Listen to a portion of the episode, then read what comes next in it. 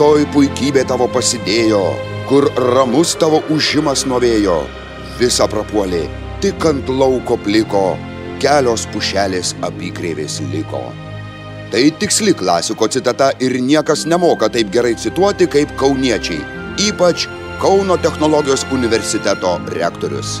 Kaunas - vienintelis miestas pasaulyje, kuriame skiriamos baudos, jei merą pavadini nevardu.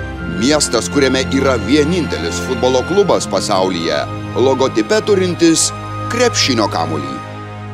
Kauniečiai, mylimiausio, laikykitės ten miesto žmonės. Ovacijomis pasitikite laidos vedėją, pasodinusi visą Kauną ant žolės. Andrių Tapiną.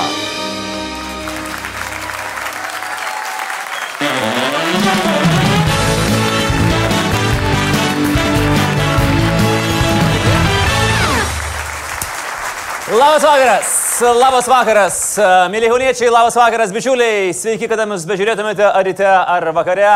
Sveiki atvykę į Laikykitės ten su Andriumi Tapinu, transliuojama iš tikrųjų iš Kauno, e, fantastiško miesto, kurio žurnalistai turbūt irgi vieninteliai pasaulyje gali sugalvoti tokį e, pranešimą, kaip Kauno žalgirio krepšininkai persėdo į naujus ratus. Smagu vesti laidą, kai tiek žmonių šiandien filmavom rusišką laidos brolį, čia diržytės tam, tai irgi atėjo burys rusų diplomatų, bet žinokit, tik išsižiojau kalbėti, tai jie atsistojo ir išėjo. Bet čia turbūt e, mūsų visų yra noras e, gyventi taip, kad pradėjus kalbėti Kremliaus, Kremliaus gauja atsistotų ir išeitų. Na, yra kam patinka. Išėjo ir nepasigesim, sudėjau, goodbye, revoir, paka. Tęsiant Rusijos temą, tai pasibaigus Zapat pratyboms, keliams tūkstančiams žmonių ir keliams šimtams konservatorių teks gydytis patirtas moralinės traumas, kad Rusija taip ir neužpuolė. Tiksliau, užpuolė, užpuolė, bet pati save.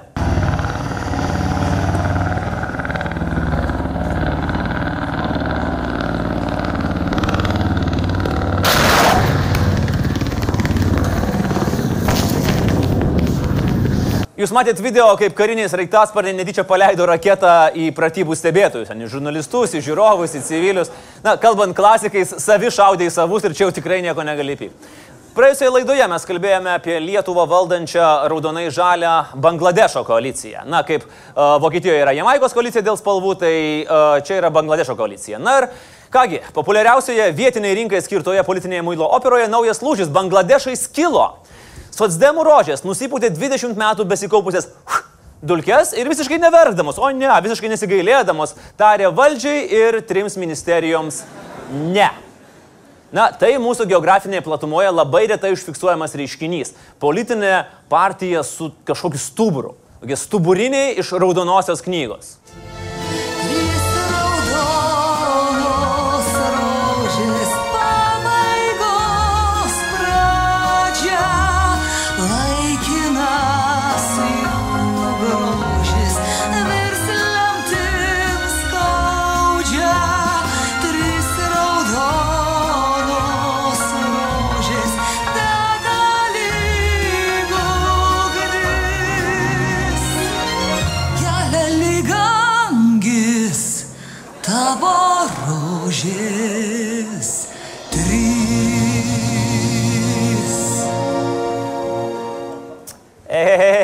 O vat ir ne. O ir ne trys rožės, nes užsienio reikalų ministras Linas Linkevičius atsistojo prieš veidrodį ir iš vieno pažiūrėjo šono, ir iš kito pažiūrėjo, pamirksėjo pats savo, nu toks gražuolis, tiesiog iš pieno plaukęs, nu negali toks grožis zanėts nueit. Ir po 26 metų LDDP ir LSDP partijose nusprendė, kad jis vis dėlto yra labiau ministras negu Sosdemas. Ir dar iš karto Twitter'yje parašė I am no Sosdem. Tai, žinokit, vienas dramatiškiausių išėjimų iš spintos. Prireikė 26 metų ir 34 numerio Sotsdemo rinkimų sąraše, kad suprastum, jog raudonas tu buvai tik iš išorės. E, Geros žinios iš konservatorių stovyklos. Jie pagaliau sugalvojo, kaip atsikratyti manto domenų, nekuriant jam feikinių ministerijų. Seimas jį išsiuntė ir tai yra tikras dokumentas, kurį jūs matėt, į Tunisą dalyvauti mokymuose skirtose Tuniso politinėms partijoms. Realiai, vykstant sesijai, komitetų posėdžiams ir darbui Lietuvoje, Adomėnas mokosi, kaip laimėti rinkimus Tunise. Na, kaip sako liaudės išmintis, nespjauk į Tuniso rinkimus, nes niekada nežinai, kada teks ten pačiam dalyvauti ir su šakėmis būti pasiruošusiam uh, rimtiems darbams. O premjerui, premjerui visą šitą situaciją Lietuvoje kelia homerišką juoką. Be abejonės. Tai savaitės nuotrauka. Ir laikykitės ten skelbia geriausio memo konkursą. Na, kad būtų dar aiškiau, va taip pat padarysim. Geriausio memo konkursas, geriausio memo konkursas mūsų Facebook'o paskyroje arba mums tiesiog įsiūskite savo variantus šios nuotraukos ir geriausius apdovanosime Laisvės TV suvenyrais. Na, o kad būtų drąsiau, pradėkime patys. Na, pavyzdžiui. Ir tada man Paluckas pasakė, mums vertybė svarbiau už postus. Ha, ha, ha, ha. ha. Kaip vadinamas liberalas paėmęs kyšį, klausė Veryga. Liberazumis, atsako skvernelis. Ir paskutinis turbūt jokingiausias, girdėjai, sako Veryga, Ramūnas Pastapina filmuojasi.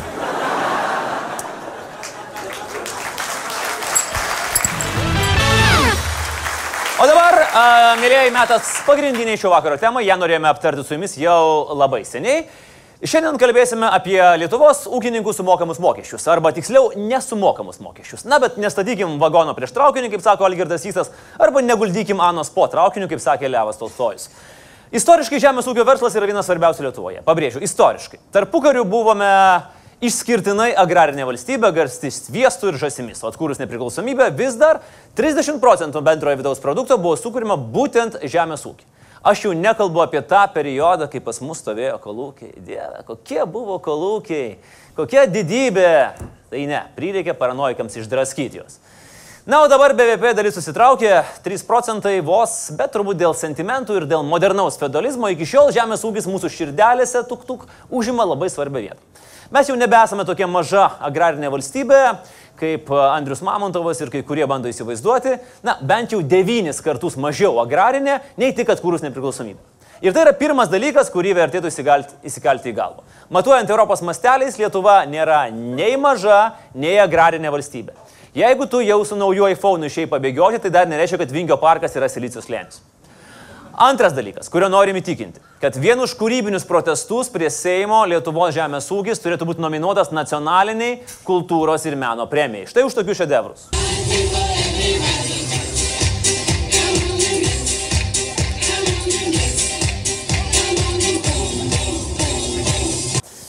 Aš nuo mokyklos laikų įtarinėjau, kad lietuvių literatūros mokytojos jos turi tokį slaptą susitarimą su žemės ūkio darbuotojais, nes mokytojos yra atsakingos už žemės ūkio komunikaciją, piarina ir piarina ūkininkus visoje mūsų klasikoje. Paskaityk Žemaitę, Biliūną, paskaityk Vaižgantą, vien tik tai ūkininkai. Ta pati Veronika pas ūkininką Kaikerį tarnavo. Ar apie bibliotekininkus, ar apie planetarimo darbuotojus, kas nors atsakymus rašo, nerašo.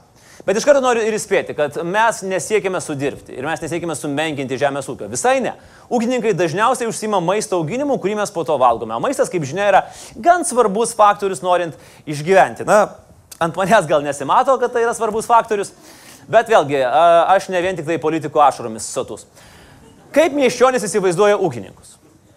Nuolat murzini, pastoviai streikuoja, gyvena iš ES išmokų, beveik vien tik tai vyrai, baigė septynias klases, gerinti savo gamybos e, samanę, o traktorius reikalingas jiems tik tam, kad arklys nepavarktų. O kiek, kiek, kiek, čia, kiek čia arklio galių turi šitas? A, vėl nei šitą žino, sako ponas Albinas. Like move it, move it. Like move it, move it. Like move it, move it. You like to move it, move it.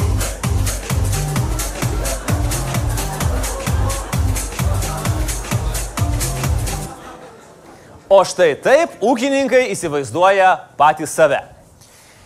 Ir iš tiesų, kai tavo darbas yra taip artimai susijęs su mėšlu, grįžęs namo žmonė, tu gali sakyti, ką nori, pasakot, ką tik nori istorijas, bet vis tiek į giliai širdyje žinos, kad tavo diena buvo šudina. Ir vis tiek, tai darbas, kurį pradėjęs, na, niekaip negali atsisakyti. Na, panašiai kaip užsienio reikalų ministro. Profesija taip pat priklauso nuo orų sąlygų. Ir pats tas faktas, kad ūkininkui už prezidentę yra svarbesnis naglis šulyje, nieko gero ūkiui nežada. Pasako naglis, kad audra ir bats per naktį sunaikinamas visų metų darbas. Pajamos krenta, kainos kyla, kitų šalių ūkininkai visada su malonumu siūlo savo produkciją pigiau. Žodžiu, yra toks įtampos modelis. Na, o verslas, ką pasėsi, tą ir pjausi, ne visada veikia Lietuvoje. Kartais pasėjus kviečius tenka pjauti grybą, pasėjus avižas pjauti šaką, ant kurios pats sėdi. Jeigu ūkininkams metai geri, na, aišku, kaip ir palangos verslininkams, tokių metų niekada nebūna, bet vis tiek produkcijos daug, ją reikia pardavinėti pigiau. bet sumažinta produkto kaina ženkliai neišplečia paklausos. Na, čia yra uh, priešingai taip vadinamajam uh, nutelos efektui. Na, kai priekybos centrai užveža daug pigios nutelos, kuri aišku prastesnė nei ta, kurį valgo vokiečiai, nes per radiją taip sakė, ir per akciją ją pardavinėja dvigubai pigiau nei įprastai. Tada per visą Lietuvą nusirita nutelos karštinė. Tiek tau, tiek tau, tiek tavo mamai, tiek močiutė, tiek kaimynui žiauriai reikia bent slojiko nutelos. Nes turėti sloiką pigios nutelos yra kažkodėl žymiai geriau nei neturėti sloiko pigios nutelos. Ir tai veikia beveik visoje ekonomikoje, išskyrus žemės ūkį, nes su daržovėm taip nėra. Jeigu morkos ar kopūstai pradedami pardavinėti nebe po 49 centus už kilogramą, o po 32, visi lietuviai staiga nepavirsta vegetarais. Nes kiek tų žmogus tų kopūstų gali suvalgyti. Ir genda jie greitai, plus tavo šeima dar soti nuo Rumunijos rinkai skirtos pigios nutelos loiko. Kitas sunkumas, su kuriuo susiduria ūkininkai Ilgai trunkanti ir kaštams imli produkcijos gamyba. Geram derliui reikia ilgalaikio įdirbio, o jį išsaugoti ir sėkmingai parduoti brangios sandėliavimo ir transporto įrankos. Dar ūkininkui privaloma turėti naują blizgantį džipą, žmonai, pabrėžiam žmonai, naujus kailinius, kad žiemą nebūtų gėda išeiti į kaimą arba į filharmoniją, nes žinot, gyvenime tikrai vat, visai atsitinka. Grįžkime prie ūkininkų bėdų. Pavyzdžiui, reikia laukti net du metus, kol karė pradeda duoti pieną. Bet ir po to ne ką geriau. Kur tą pieną dėti? Supirkimo kainos visada per mažos. Visada. Dar nėra buvę kainų, kuris būtų ne per mažos. O kalbant apie karves, dar laikrodžių persukinėjimas, kur karėms susisuka viskas. Žodžiu, suprantam vieną dalyką. Kad nėra taip paprasta ūkininkų būti. Bet nemalonioji dalis baigėsi. Medalis turi dvi pusės, plūgas turi dvi rankinas, pastebėkime sidabrinį pakraštėlį ant tamsaus žemės ūkio debesies. Tai ūkininkams taikomos mokesčių lengvatos. Benjamino Franklino mintis, kad šiame pasaulyje neišvengiamai yra tik du dalykai - mirtis ir mokesčiai yra visiškai teisingi. Nebent jeigu tu esi ūkininkas Lietuvoje. Tada tau reikia bijoti tik mirties. Nu ir dar truputį pavasarinių šalnų. Bent jau toks įspūdis susidaro panagrinėjus žemdirbiams teikiamas mokestinės lengvatas. Lietuvoje yra daugiau nei 33 tūkstančiai teisės aktų, kuriuose paminėtas žemės ūkis ir beveik 5 tūkstančiai teisės aktų, kur paminėtas žodis ūkininkas. Tuo tarpu yra beveik 10 tūkstančių teisės aktų, kuriuose figuruoja Algirdas Brazauskas. Šiaip, aš, aš nežinau, kam šitą informaciją apie Brazauską, bet, nu, gal lietuviams reiktų žinoti. O apie Landsbergį yra tik 2037. Vat ir prašau. Ir net du Landsbergiai, o aktų vis tiek penkis kartus mažiau negu pas Brazauską. Valstybės kontrolė ilgai skaičiavo, skaičiavo ir suskaičiavo, kad šiuo metu Lietuvoje galioja 25 žemės ūkio srities mokesčių lengvatos. Tai pas mus tiek mokesčių nėra, kiek yra lengvatų. Bet to, ar žinote, kaip vadinasi ūkininkas, kuris net ir gaudamas mokesčių lengvatas, sako, kad vis tiek prie ruso buvo geriau? Lengvatnikas. Nesigilinsime į Ž kategorijos taisyklės, kad jeigu esi ūkininkas su viena trumpesnė koja ir blondinė žmona, gali užregistruoti tešmenų čiulptukus nacionalinėje primilčio tarnyboje lengvatinėmis sąlygomis. Tegul šias regionų skatinimui itin svarbės taisyklės svarsto mūsų profesionalų vyriausybė. E, mes geriau paimkime pagrindinius, daugeliu žinomus ir aktualiausius mokesčius. Ir va taip pereikime kaip su šakėm. Pirma, gyventojų pajamų mokestis GPM. Ir iš karto lengvatos. Pajamos iš ūkinės veiklos yra neapmokestinas GPM, jeigu nesi PVM mokėtojas. Tai reiškia, kad jeigu per metus prikas ir parduodi bulvių mažiau nei už 45 tūkstančius eurų, tavo pajamos neapmokestinamos pajamų mokesčių. Nu, bet visai nieko.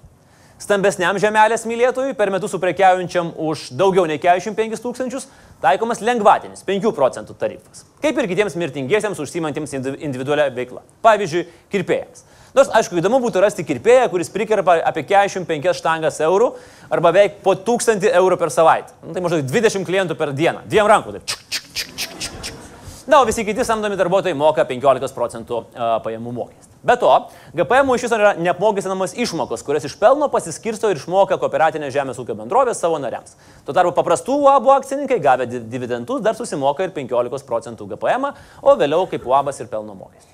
Antras visiems gerai žinomas mokestis - pridėtinės vertės - PVM. Jeigu ūkininkai tik suprekiauja daugiau už 45 tūkstančius eurų, jie privalo registruotis PVM mokėtojų ir mokėti PVM. Jeigu pardavimai mažesni, gali pasirinkti, registruotis ar ne. Na, čia kaip visi verslai.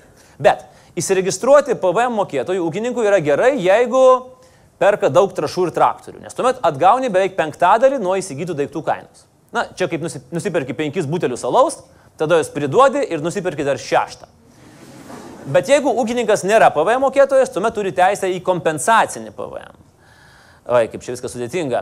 Be, tarkim, parduodant ūkių bulvių už 1000 eurų supirkėjų juridiniam asmeniui, iš šio supirkėjo jis gauna 1060 eurų, o supirkėjas tuos papildomus e- eurus jau susigražina iš valstybės. Tai va tie 60 eurų yra skirti sumažinti tą dantų skausmą, kuris sukelia PVM sumokamas perkant traktorius ir trašas. Tačiau jokios kepyklos perkančios krosnis, jokios kalbyklos perkančios kalbyklės, nei niekas kitas, jokiame kitame sektoriuje sukuriančiame daugiau BVP, tokios dovanos negauna. Trečias - žemės mokestis. Mokestis ūkininkams skaičiuojamas tik maždaug nuo trečdalio, o nu- ne nuo visos žemės rinkos vertės. Taip pat, jeigu pradedi ūkinę veiklą, šio mokesčio nemokėsi be maž trijus metus. Na, reikia juk duoti žemeliai kojas apšilti prieš pradedant ją. dirbti. Ketvirtas - nekilnojamojo turto mokestis, kuris ūkininkams negalioja. Kodėl? Geras klausimas. Fizinio asmens naudojamas nekilnojamas turtas pajamoms iš žemės ūkio veiklos gauti neapmokestinamas visiškai. O juridiniai asmenys, kurie sugeba įrodyti, kad daugiau kaip 50 procentų jų pajamų sudaro pajamos iš žemės ūkio veiklos, irgi nemoka ant mokesčių. Žodžiu, gali 49,99 procentus veiklos vykdyti pardavinėdamas dronus ir antivirusinės sistemas kompiuteriams, bet jeigu įrodai, kad daugiau pajamų sudaro ūkinė veikla, jokio mokesčio. Na, va, čia yra pasiūlymas užsienio investuotojams. Ateidami į Lietuvą, visada atsiveškite ir 51 procentą keulių. Arba jeigu statysit kokį nors gamyklą, tai runkeliais apsisodinkit aplink, o ne vadybos skyriui. Nu, dvi, du patarimai. Nors dar tik pradėjom vardinti pagrindinės lengvatas, bet e, kam nekyla noras imti plūgą į rankas? Ir čia be specialisto komentaro mes tikrai niekaip neapsėsime. Laisvės tave konsultantas mokesčių lengvatoms ir geriausias ūkininkų draugas e, Gandrobotas. E, Sveiki, Gandrobotė. Spasiba, labas Kaune, sveiki žiūrovai, tapinė. Pasvalyje mums patarinėjai lytinio švietimo klausimais ir iš pagrindinio vaikų nešėjo mes tikėjomės tokios gal geresnės nuomonės, nes, na, po tavo išvalgų tai susilaukėm žiūrovų pasipiktinimo, ką tu čia apskritai darai. O kaip su žemės ūkiu? Juk ar ir čia iš tavęs toksai vat, prastas patarėjas, ką? Pats tu prastas, tapinė. Mano nuomonė visais klausimais yra privaloma, visai kaip Gitano nausėdus. Ir jeigu nepataikau, tai irgi įsižeidžiu, taip pat tauriai kaip Gitanas. Vat koks įžeidus, gandriukas. Ar tik ne dėl to, kad mes apie ūkininkų mokesčius kalbam? Ir pats galbūt irgi ūkininkauji ir mokesčius ten šiandien kažkaip susiskaičiuoji. Viską darau pagal taisyklės, visus mokesčius moku. Palaukime VMI išvadų, nestatykime vasaros prieš naisius. Nu va, prasideda, prasideda. Beje, aš ne ūkio, aš politinės įtakos padargas, įsigytas su PVM lengvata. O taip galima iš viso? Sakau juk, palaukime VMI išvadų, bet šiaip viskas galima ūkininkams. Mums galioja bent 25 skirtingos mokesčių lengvatos. Tegu visokie startupai neverkia. Žemės ūkis yra tikrasis Lietuvos Facebookas, Google ir Tesla kartu sudėjus. Na gerai, grįžkime prie, prie lengvatų, nes čia mes nuvažiuosime į lankas. Uh, kitas mokestis yra aplinkos taršos. Ūkininkams jis neegzistuoja. Nu, tiesiog. Visas kitas verslas moka mokestį pagal ūkiniai veiklai sunaudotų degalų kiekį, bet ūkininkų belarusai ant meilės tėvynė dirba ir nieko neteršia. Šešta - sodros mokesčiai. Ūkininkams dirbantiems pagal individualią veiklą taikomas sodros lubas. Sodros lubų dydis - 7 vidutiniai darbo užmokesčiai per metus. Tai reiškia, kad tokio ūkininko pajamos virš 5800 eurų yra neapmokestinamas sodra. Šiaip lubos turėtų būti tai, kas virš galvos, o ne tai, kas truputį žemiau bambos ir aukščiau kelių, bet, nu, čia sodra. Palyginimui, kad lengviau suprastume, Saulis Kornelis vasarį pasiūlė sodros lubas įvesti aukščiausios kvalifikacijos vadovams ir jų dydis būtų 120 vidutinių darbo užmokesčių per metus. Tai yra beveik 100 tūkstančių eurų. Nu ir jis sulaukė tokio apšūklinimo, kokio pats tikriausiai nesitikėjo. Nes taigi kiek mokesčių prarasim? O tuo tarpu ūkininkams seniai taikomos lubos ir niekas nieko. Toliau, dar ne viskas. PSD privalomas draudimas, kuris pasidarė toks privalomas, kad tūkstančius emigrantų privertė privalomai išsiregistruoti iš Lietuvos. Smulkus ūkininkai moka 3 procentus. Minimalios mėnesinės algos dydžio PSD įmokas ir paslaugomis naudojasi kaip bet kuris apdra- apdraustasis. Arba kitaip tariant, moka tokias pat įmokas, kokias mokėtų bedarbis, neužsiregistravęs darbo biržoje ir visiškai nedalyvaudamas jokioje ekonominėje veikloje. Šis mokestis dar yra žinomas kaip Šustausko mokestis. Ir dar vienas, apie kurį tikrai esate girdėję, kad e, degalinėje yra pilamas dažytas dizelinas, yra gerokai pigesnis. Ir pigesnis jis yra dėl to, nes ūkininkai nemoka akcizo. Buvo paskaičiuota, kad vien dėl šios lengvatos į valstybės biudžetą per 13 metų neįplaukė daugiau kaip milijardas 75 milijonai eurų, už kuriuos buvo galima, pavyzdžiui, renovuoti 2005 aukščių regionuose arba kiekvienam Lietuvos penktokui padovanot po Kadilaką. Bet pigi saliarka yra šventas dalykas. Žodžiu, kaip patys matot, visokių išlygėlių, lengvatėlių ir kitokių paprastinimų ūkininkams yra daugiau nei plagijavimo vieno universiteto disertacijose, neminėsim kokio, ar taškų, kuriuos Lietuvos rinktinė įmetė į graikų krepšį. Dar yra tokios ES išmokos ūkininkams mokamos už pasėlių plotus, galvijų auginimą arba susilaikymą nuo ūkininkavimo. Taip, nesijuokit miesčionis, piknaudžiavimas žemės ūkiu yra labai rimta ūkininkų problema. Vat kad taip ES galėtų mokėti išmokas kai kuriems Lietuvos politikams, kad jie irgi susilaikytų nuo savo politinės veiklos. O tada būtų gyvenimas. Nacionalinė mokėjimo agentūra skelbia pernai išmokėjusi virš 430 milijonų eurų tiesioginių išmokų ūkininkams.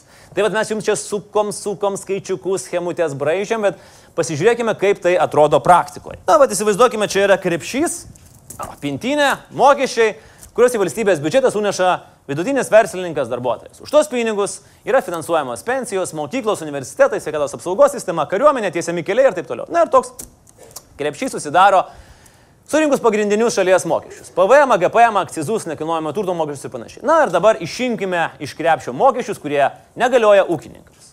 Akcizas už degalus. Na, išim. Nekilnojamojo turto mokesčiai. Išim. E, kas čia dar? Žemės mokesčiai, kurių mokamas tik trečdalis. Tai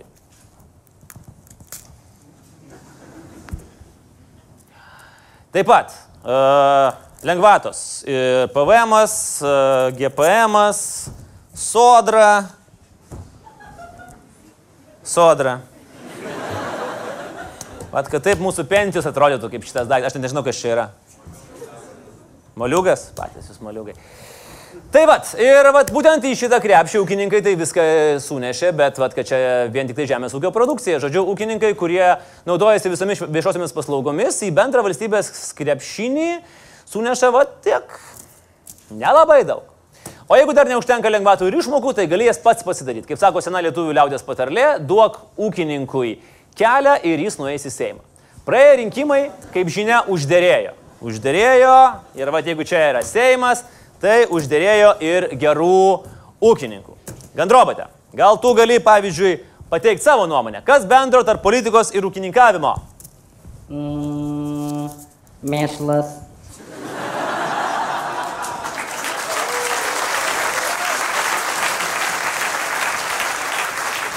Aš tai matau, dar truputį mūsų gandrobotas įsižeidęs. Matyt, partinė savybė - greitai įsižeisti. Na, neverta stebėtis, kad daugiausiai ūkininkų uždėrėjo pas valstiečius ir žaliuosius, net 11, dar vieną Juozą Baublį turi liberalai. Gandrobate, gali pasakyti, kas bendro tarp liberalų ir žemės ūkio? Mm, dar daugiau mėšlo, bet jie atsities. Visi keliai veda į Seimą ir pagal Lietuvos įstatymus darbas ūkija ir Seime yra nesuderinamas. Ūkininkai sako, kad tepą tep mėšlę maknuojam, bet ne, negalima. Turi ūkį perduoti kam nors kitam. Nu, kad ir žmonikiai. Konstitucija draudžia Seimo nariui gauti atlygį už karvės šėrimą. Bet jeigu tu paskambini žmonikiai ir konsultuoji telefonu, kaip pašert karvę, tada viskas tvarkoja. Kitaip tariant, verslo perdavimas yra absoliučiai fiktyvus dalykas, bet perdavėm rankos švarios. Taigi, e, Seime negali būti nei vieno oficialiai ūkį turinčio ir veikiančio ūkininko. Tad vyriausiai tarnybinės etikos komisija pavedė Seimo komisijai išsiaiškinti, ar tikrai, nu ar tikrai visi Seimūnai prieš užeidami į Seimą nusimė botus ir vyžas. Ir va čia turim tokį Fteko dvyliktuką. Na, valstiečių vienuoliktukas plus baublys. Paaiškėjo, kad ne, ne visi, tik pusė, tik, o šeši Seimūnai laikų ūkių nedeklaravo ir to pažydėti. Nu, bet kam tai rūpi? Niekam. Gerai, pažiūrėkim, kokių grybų uždėrėjo čia pas mus Seime. Na štai pavyzdžiui, Juozas Rimkus. Seimo narys, kurio tikriausiai niekas negirdėjot, žmogus, kurio asmeninėme puslapyje internete iškart pamatome įkvepiančio paties Juozo Rimkaus Seimo nario citatą. Didžiuojasi, kad esu kilęs iš valstiečių, nes būtent valstiečiai Lietuvai išsaugojo kalbą, kultūrą, tradicijas ir papročius. Akivaizdžiai turi šiek tiek problemų su realybės supratimu, nes rašo toliau. Seimo kanceliarijos personalo skyrius patvirtino, kad LVŽS atstovai Seime yra labiausiai išsilavinusi frakcija nuo pat nepriklausomybės paskelbimo. Nu, patvirtino, tai patvirtino, tai negi dabar prašysi VMI, iš, VMI išvadų. Savo tinklapyje siekdamas sustiprinti žodžio emocinį poveikį, jis kas antrą sakinį užbaigia daug taškų, nes visi žino, kad daug taškai stiprina emocijas. Žodžiu, galbūt ne pats aštriausias plūgas dirvoj, bet tvarkingai laiku deklaravo savo ūkį. Antra vertus, jis ta, ragina taikyti sankcijas kritikuojantiems Seimo narius ir iš, iš jų besišaipantiems. Tai gal aš daugiau nebekalbėsiu, tik pasakysiu, kad ūkininkas anot pajamų deklaracijos gavo kuklius 17,5 tūkstančių eurų pajamų, už tai sumokėjo 2,5 tūkstančio eurų mokesčių, kitaip tariant, beveik 15 procentų. Va, puiku, šaunuolis. Tikrai šaunuolis, Jozai, padorus tarifai, padorus mokesčiai, pavyzdys. Bet štai, pavyzdžiui, liberalas Baublys Laiku deklaruoti savo ūkelio nespėjo ir tęsė darbus. Pajamų deklaracijoje 184 tūkstančiai eurų, sumokėta mokesčių 129 eurai.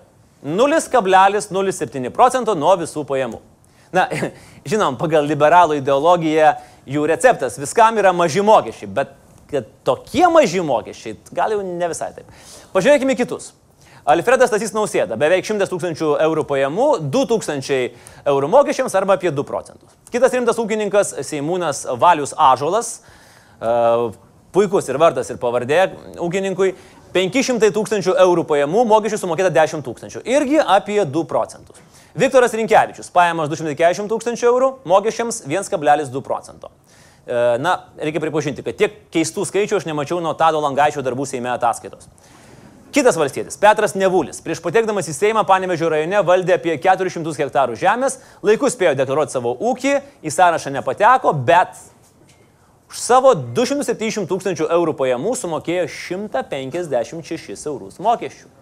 0,06 procento. Kad tave kur gandras. Neminėk tapinę gandro vardo be reikalo. Man nuoširdžiai protas neišneša, kaip tu gali gauti 273 štangas pajamų, kaip Petras Nevulis, ir nuo jų sumokėti 156 eurus mokesčių. Pats Nevulis aiškina paprastai. Jeigu pakliūsiu į tą kategoriją, kuri turi mokėti, mokėsiu, bet jeigu skaičiukai susidėlios panašiai kaip pernai, kad išlaidų susidarė daugiau nei pajamų, tai ir mokesčio nebus. Mano žiniomis praėjusiais metais iš 11 stambesnių ūkininkų 10 buvo minuse. Aš turiu tokį įtarimą, kad skaičiukai ir toliau gali neblogai susidėlioti ir vėl visi liks minuse. Mūsų naudoti skaičiai yra iš VRK pateiktų deklaracijų, kurios kelbia kandidatų pajamas ir sumokėtą pajamų mokestį. Iš deklaracijų paimti pajamų skaičiai apima ir neapmokestinamas pajamas. Tai yra, jeigu kas nors pardavė turtą, išlaikęs tą turtą, pavyzdžiui, na būtent, daugiau nei minimalus laikotarpis, pelnas yra neapmokestinamas. Viskas tvarkoja, viskas gerai. Bet jeigu koks nors Seimo narys sakys, kad jis sumokėjo tik 2 procentus nuo pajamų, nes jis tais metais pardavė didelį būtą ir gavo neapmokestinamą pajamų, dėl to tiek daug pajamų ir mažai mokesčių, tai gali būti tiesa, Tai gali būti atsitiktinumas. Tačiau jeigu mes paimsim 12 Seimo narių, kurie turi ūkius, pasižiūrėsim jų vidurkį, tada paimsim kitą Seimo narių grupę, kuri neturi ūkių ir pažiūrėsim jų vidurkį, pamatysim, kad tie mokesčių vidurkiai skiriasi šešis kartus. Ir tada pradeda atrodyti, kad čia netoks jau ir atsitiktinumas, o greičiausiai desningumas. Kaip tai vertina Lietuvos ūkininkų superūkininkas? Lietuvos kaimo Optimas Primas, Arklo Džedajus, Ramūnas Karbauskis. Jo pajamos sudarė 3 milijonus 844 tūkstančius eurų. Sumokėta 62 tūkstančiai mokesčių. Kitaip tariant, 1,6 procentų. Mano nuomonė, mes turime mokėti tiek mokesčių, kiek reikia mokėti, kiek nustatys vyriausybinės mokesčius nustatinėjo. Mes mokam tuos mokesčius, kuriuos nustatė vyriausybė. Tai jūs, ne, jūs neprieštrautumėte, jeigu tos Aš lengvatos e, panaikintos? niekam neprieštaraučiau. Pritarėt, ar ne? Niekam O neprieštaraučiau. kaip Jūs manot, va dabar tie mokesčiai, jie iš tikrųjų yra ganėtinai maži? Aš noriu, ar jie- pasak noriu pasakyti vieną, jie e, yra pakankamai dideli, pridėtinės vertės mokestis yra toks pat kaip ir visiems. Apie jį niekas iš jūsų nešneka, o jis yra milžiniškas. Ir šioje vietoje jis yra visiškai teisus. Viskas zakonna, kaip sakė senieji. Jeigu tu esi Seime, o ne lūkiškėse, vadinasi viskas, ką tu darai, yra teisėta. Bet ar teisinga? Bet tada kaip jie gali kalbėti apie socialinį teisingumą? Kai vidutinis tautietis į rankas uždirbantis 650 eurų, kurio vos užtenka prisimaitinti, turi ir per metus sumoka 1170 eurų pajamų mokesčių. O Seimo nariai turintys stambius ūkius ir milžiniškas 100 tūkstantinės pajamas nesugeba sumokėti net to vargano vidutinio 1170 eurų, nes skaičiukai jiems susidėlioja visai kitaip. Ar čia normalu? Gal ir normalu. Gal iš tiesų patiriamos išlaidos, oro išdaigos, atidėjimai ir kiti dalykai veda net ir milijonus eurų pajamų gaunančius ūkininkus į minusą ir į mokesčius mažesnius nei jų savigarba. O gal taip susidėlioja skaičiukai? Mes nežinom. Dar vienas neskurstantis ūkininkas, politikas konservatorius Kazis Sarkevičius e, 300 tūkstančių eurų pajamų, 4700 eurų mokesčių arba 1,6 procento aiškina, kad ūkininkų pinigais piktinasi kaimų žmonių problemų nesuvokiantis choras. Ir taip kurstoma nesantaika ir pavydas. Starkevičius pateikė ūkininkų sumokėtų mokesčių ir išla- išlaidų statistiką visų ūkininkų, bet ne savo. Būtų labai gražu, jeigu Seimo ūkininkų dvyliktukas paimtų ir viešai pateiktų savo, nu, ar žmonos, ar sunaus, ar kaimyno, nes, nu, baigim tos juokus, kad atidavė į žmonę ir jau ne mano keulės, ne mano pupas, baigim. Gautų pajamų ir išlaidų išklotinę, nes kol dėliosim skaičiukus, kad mokesčiams liktų 1 procentas, tol galėsim pasveikinti Bronių Markauską, Aurimą Gaidžiūną, Juozą Baublį, Petrą Nevulį, Kazimierą Starkevičių ir kiti, kurie prisima didžiulę atsakomybę dėl tautos valdymo, bet į jos biudžetą nesiteikė įnešti net tiek, kiek vidutinės pajamas gaunantis pilietis. Apie tai mes turėsime puikią progą pakalbėti taip pat čia su mūsų laidos svečiu, Seimo nariu, kultūros komiteto pirmininku Ramūnu Karbauskiu.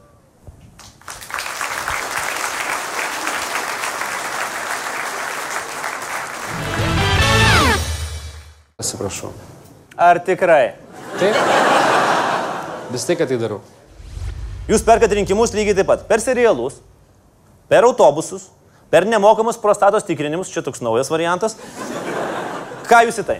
Keliam tūkstančiam žmonių esat patikrinęs prostatą. Bendrobote, informuok. Pirmininkas. Markizas, Karabasas, ha, ha, ha, ha, ha. Logiška. Kodėl logiška? Ne, tai multfilmas toks yra. Taip, ir ten, kur visi važiuoja ir visi laukai Taip, Markizo taip. Karabaso. Ar taip yra iš tikrųjų, kai jūs atvažiuojat, ar jūs važiuojat vat, e, laukais, jūs važiuojat su savo kadilaku ir aplinkui bėga e, laimingi e, valstiečiai ir Mes- sako Markizas Karabasas. Čia yra flip-flopai. Ir a, aš norėjau tiesiog šitą Kas tai yra? Tai yra politinis terminas, flip-floperis, tai yra politikas, kuris labai dažnai kaitalioja savo nuomonę. Mes kalbam apie aukštąją politiką, kodėl jūs mane bandot nuvesti į bulvarą. Čia yra rimta laida. Aš esu dabar truputėlį įsižeidęs. Aš nesi- nesitikėjau, kad aš įsižeisiu per šitą interviu. Ramūnai, gal man atnešė duomenys apie 12 mečius su kepenų cirozė. Šurajevas skundėsi, kad negauna. Tai jisai Facebook'e gavo atsakymą, visą Tai, sakė, statistiką. dar gavo. užblokavot jį.